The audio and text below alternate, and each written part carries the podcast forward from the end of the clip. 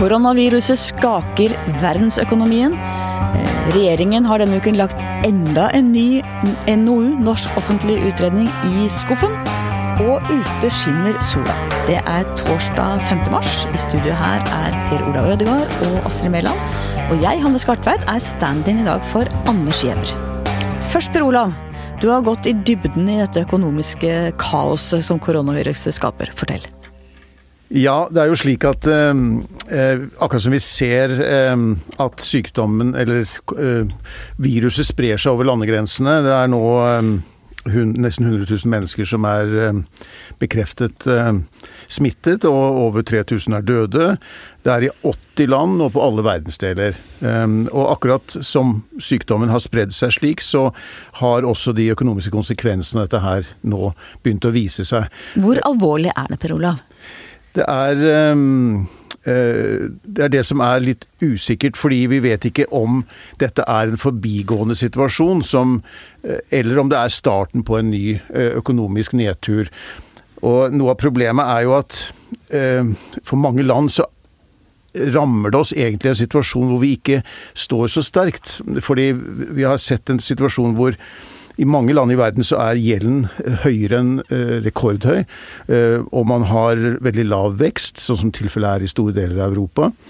Og renten er allerede på et veldig lavt nivå, så sentralbanken har ikke så mye handlingsrom. Ja, for Hvordan bruker man renta? Altså handlingsrom, Hva betyr det? Hvordan bruker de vanligvis renta, sentralbanken? Renten kan jo brukes for å stimulere økonomien. Og akkurat nå er vi i en situasjon hvor vi ser at det som kunne være en, en, en svak økonomisk vekst, riktignok i Europa, kan egentlig for, helt forsvinne som følge av dette her. Fordi du ser en del sånne viktige næringer bli rammet av det. Og vi må bare huske at dette er jo bare noen måneder vi har hatt dette, vi har kjent til dette viruset, og vi har sett det bre seg raskt. Og nå ser man allerede at økonomiske skadevirkninger er store. Så ser du det aller først på en del sånne næringer som er på en måte litt spydspisser i globaliseringen, sånn som eh, flyselskapene.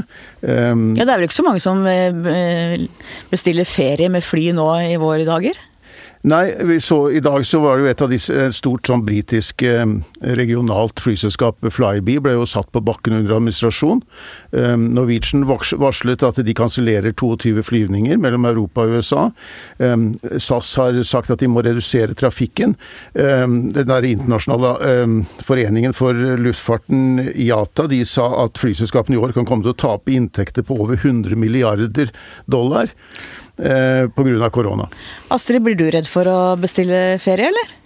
Ja, altså, Jeg ser for meg at det kan bli kjempebillig, da, så kanskje jeg skal vente litt at det blir enda billigere. Men en ting som jeg er litt redd for, er jo at, eh, at jeg blir havna i en slags karantene hvis jeg drar til utlandet. Nå har jo norske myndigheter i dag sagt at de vurderer å stoppe flygninger fra, fra, Muligheten for å stoppe flygninger fra spesielle smitteområder. Så hvis man havner i et, et, sted der det bryter ut smitte, så kan man jo bli stuck, antageligvis. Um, så, så ser jeg jo for meg at kan jo ha, sikkert påvirke psykologien i boligmarkedet. Kanskje folk tenker at det, det, går opp eller det vil gå ned, og vil utsette store beslutninger.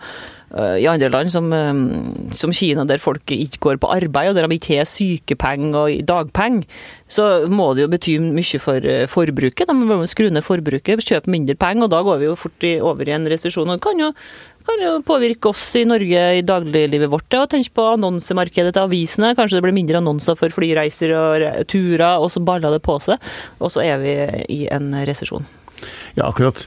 Og så er det det at norske bedrifter er ganske avhengig av handelen med Kina. Enten vi eksporterer varer der, sånn som lakseprodusentene i Norge, men også de som er avhengig av å få deler fra Kina. Og vi må huske at i den global, globaliseringen så er vi blitt veldig eh, avhengig av hverandre.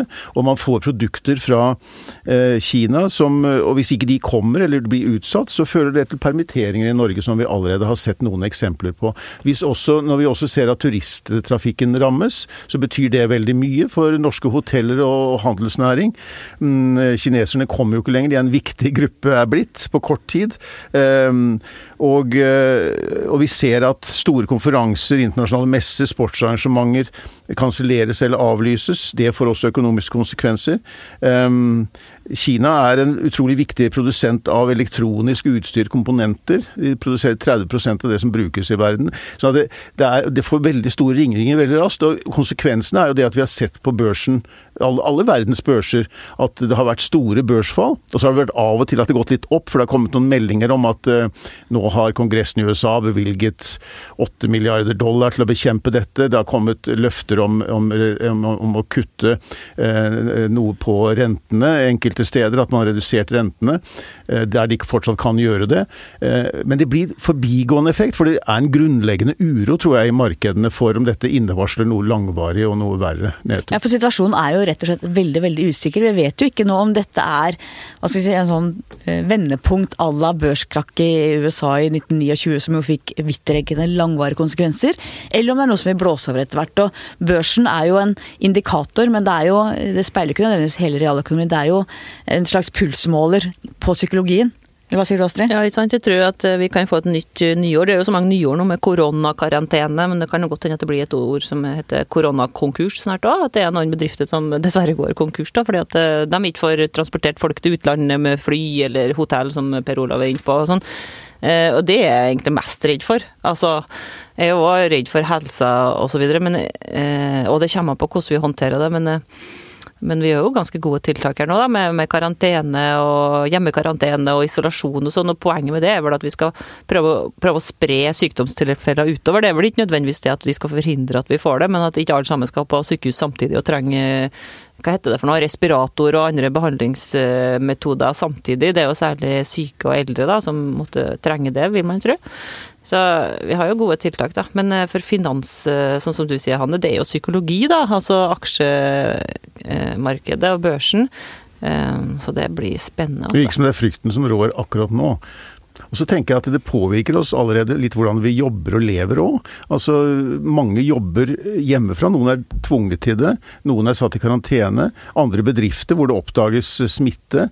Der skal alle jobbe hjemme. Så, så nå sist Facebook i Seattle, der skulle alle de ansatte måtte jobbe hjemmefra. Det, jo, det har fått ganske store konsekvenser på veldig kort tid. Og i Norge så er det jo helsevesenet som er hardest ramma, med øyeavdelinga på et sykehus i Oslo. Det var Ullevål sykehus.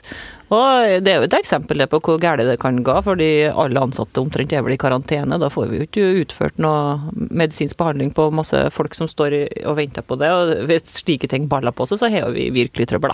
Og så er det en balansepunkt som både helsemyndighetene har, og som vi i pressen også har. I hvilken grad skal man på en måte eh, trekke fram alvoret? I hvilken grad skal man eh, berolige? Altså hvor er balansepunktet mellom det å ha en god beredskap, at folk har mental beredskap, men ikke skremmer for mye? Og du hadde jo en artig episode forrige uke, Astrid, hvor du skrev to forskjellige kommentarer og fikk kjeft for begge. Ja, ja mange av leserne våre syns at vi overdriver, og det skjønner jeg litt. Altså, de, unger, de sier at ungene kommer hjem eh, og er redd for å få korona fordi at avisene skriver at du skal dø. og eh, jeg skrev vel et eller annet sånn om at du kommer til å få korona, eller det er stor sannsynlighet for at du blir smitta av korona, basert på de Eh, ekspertene som er litt uenige, rett nok, om, eh, som har scenario på at mellom 40 og 70% eller noe sånt blir smitta i Norge. Og dagen etterpå skrev jeg for å gjøre det her godt igjen, da, ved alle de som var så sinte på meg, som jeg skremte ungene til, så skrev jeg 'slapp av, du kommer ikke til å dø'. Eh, et eller annet sånn. Og det var jo basert på, på dødelighetsratene som forelå per da, da, ikke sant, som var ganske låg. Og, og unger kommer i hvert fall ikke til å dø. Minst mulig sjanse for dem, og det er jo altså da som sagt syke og eldre som er i størst faresone. Og det er jo alvorlig, det, da. Men da ble folk eh, sinte på meg fordi at jeg, jeg underdrev det her, og må huske på at som ta sammen, og alle sammen må bli med på den dugnaden det er det her å få stoppa spredningen, og må vaske hendene og ja, ikke sant. Jeg tror jo litt på den dugnaden som du snakker om der. Og, men akkurat som at uh, globaliseringen står liksom litt i fokus her. fordi Én ting er at vi er så blitt så avhengige, og globaliseringen har gitt oss store økonomiske fordeler uh, um, og gitt stor rikdom til mange. Samtidig så er det jo noe av den måten vi lever på som gjør at dette viruset sprer seg raskere. Vi reiser mye mer enn noen gang før, og nesten alle som er smittet i Norge i dag, har fått den smitten i Italia, noen få i andre land.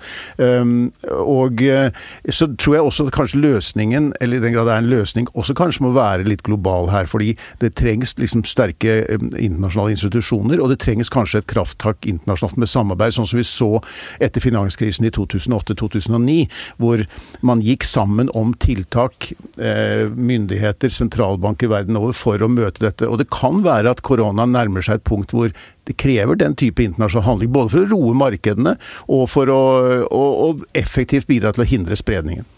Så diskuterte vi på morgenmøtet vårt her eh, sammenlignet med spanskesyken som mange har trukket fram. Spanskesyken kom jo da våren 1918. Eh, og ganske mange døde. Og så roet seg gjennom sommeren, fordi at sånne virus liker jo ikke varme. Så tok det seg veldig opp igjen høsten 1918 og gjennom vinteren 1919. Og nå spekulerer jo også mange at kanskje det går litt i dvale på sommeren og så kommer tilbake igjen. Så det er jo virkelig den, den ukjente eksen. Hvor alvorlig blir det? Er vi da bare ved begynnelsen på noe helt forferdelig, eller er det sånn at vi klarer å og stenge dette inne, og faktisk at det ikke blir så alvorlig som man kan frykte. I dag så kom jo nyheten om at viruset har mutert òg, i en uh, litt mer aggressiv variant som jeg tror de kaller for L-typen, og det høres jo skummelt ut, syns jeg. La oss snakke om en annen type karantene, det å putte ting i skuffen.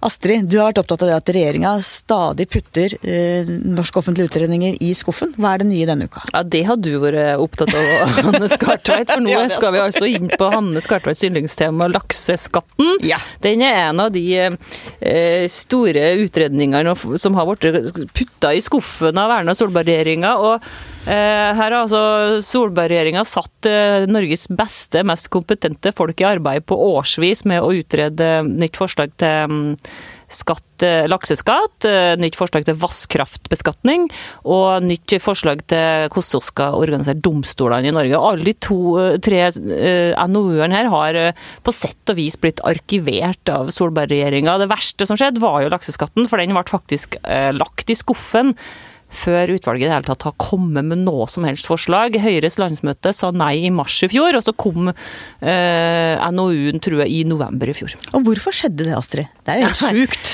Eh, det var mye rart som var sagt på det landsmøtet, la oss litt eh, om det i stad. Eh, det var noen som mente at det var imot Høyres ideologi å ha grunnrentebeskatning på laks, eller på oppdrettsfisk. Og hvordan, og hvordan begrunnet de da forskjellen på laks og olje, f.eks., som er et etablert og omforent prinsipp i hele det politiske spekteret i Norge? Godt spørsmål. Nå vil alle alle lytterne hører her at både jeg og Hanne er veldig for eh, at eh, laks skal, eh, og oppdrettsfisk skal få grunnrentebeskatning. Og det er egentlig Høyre, partiet Høyre og, og NHO og alle disse kreftene mener at det er en god skatt, som er mye bedre skatt enn mange andre typer form for skadelig skatt. Så vi skal skattlegge naturressursene våre. Selvfølgelig skal vi det. Forklar ordentlig grunnrentebeskatning.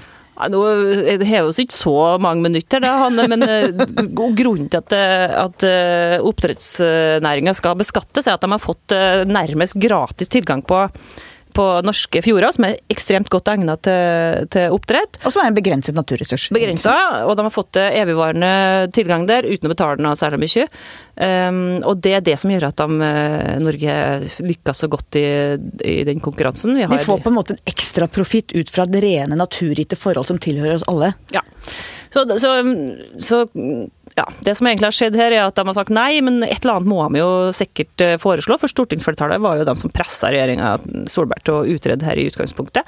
Og så er det to andre ting som eh, som sagt har blitt lagt i en skuff. Det er vannkraftbeskatninga, som eh, Jan Tore Sanner, finansministeren, den nye, sa at han sa nei til pga. næringa og jeg lytta til kommunene og næringa. Det er samme type problem her, at sentrum-periferi-konflikten er så stor nå for tida, og at det er ikke noen som tør å foreslå noe som kan irritere Kommune-Norge. Men realiteten der er vel også at i dag er det veldig veldig få kommuner som får nyte godene av kraftbeskatningsordningen, mens det de har lagt opp til er vel at du samler inn til Finansdepartementet, og så deler man det mer jevnt ut i flere kommuner. Så det er vel litt sånn falsk beskrivelse å si at det er liksom distriktene mot byen òg?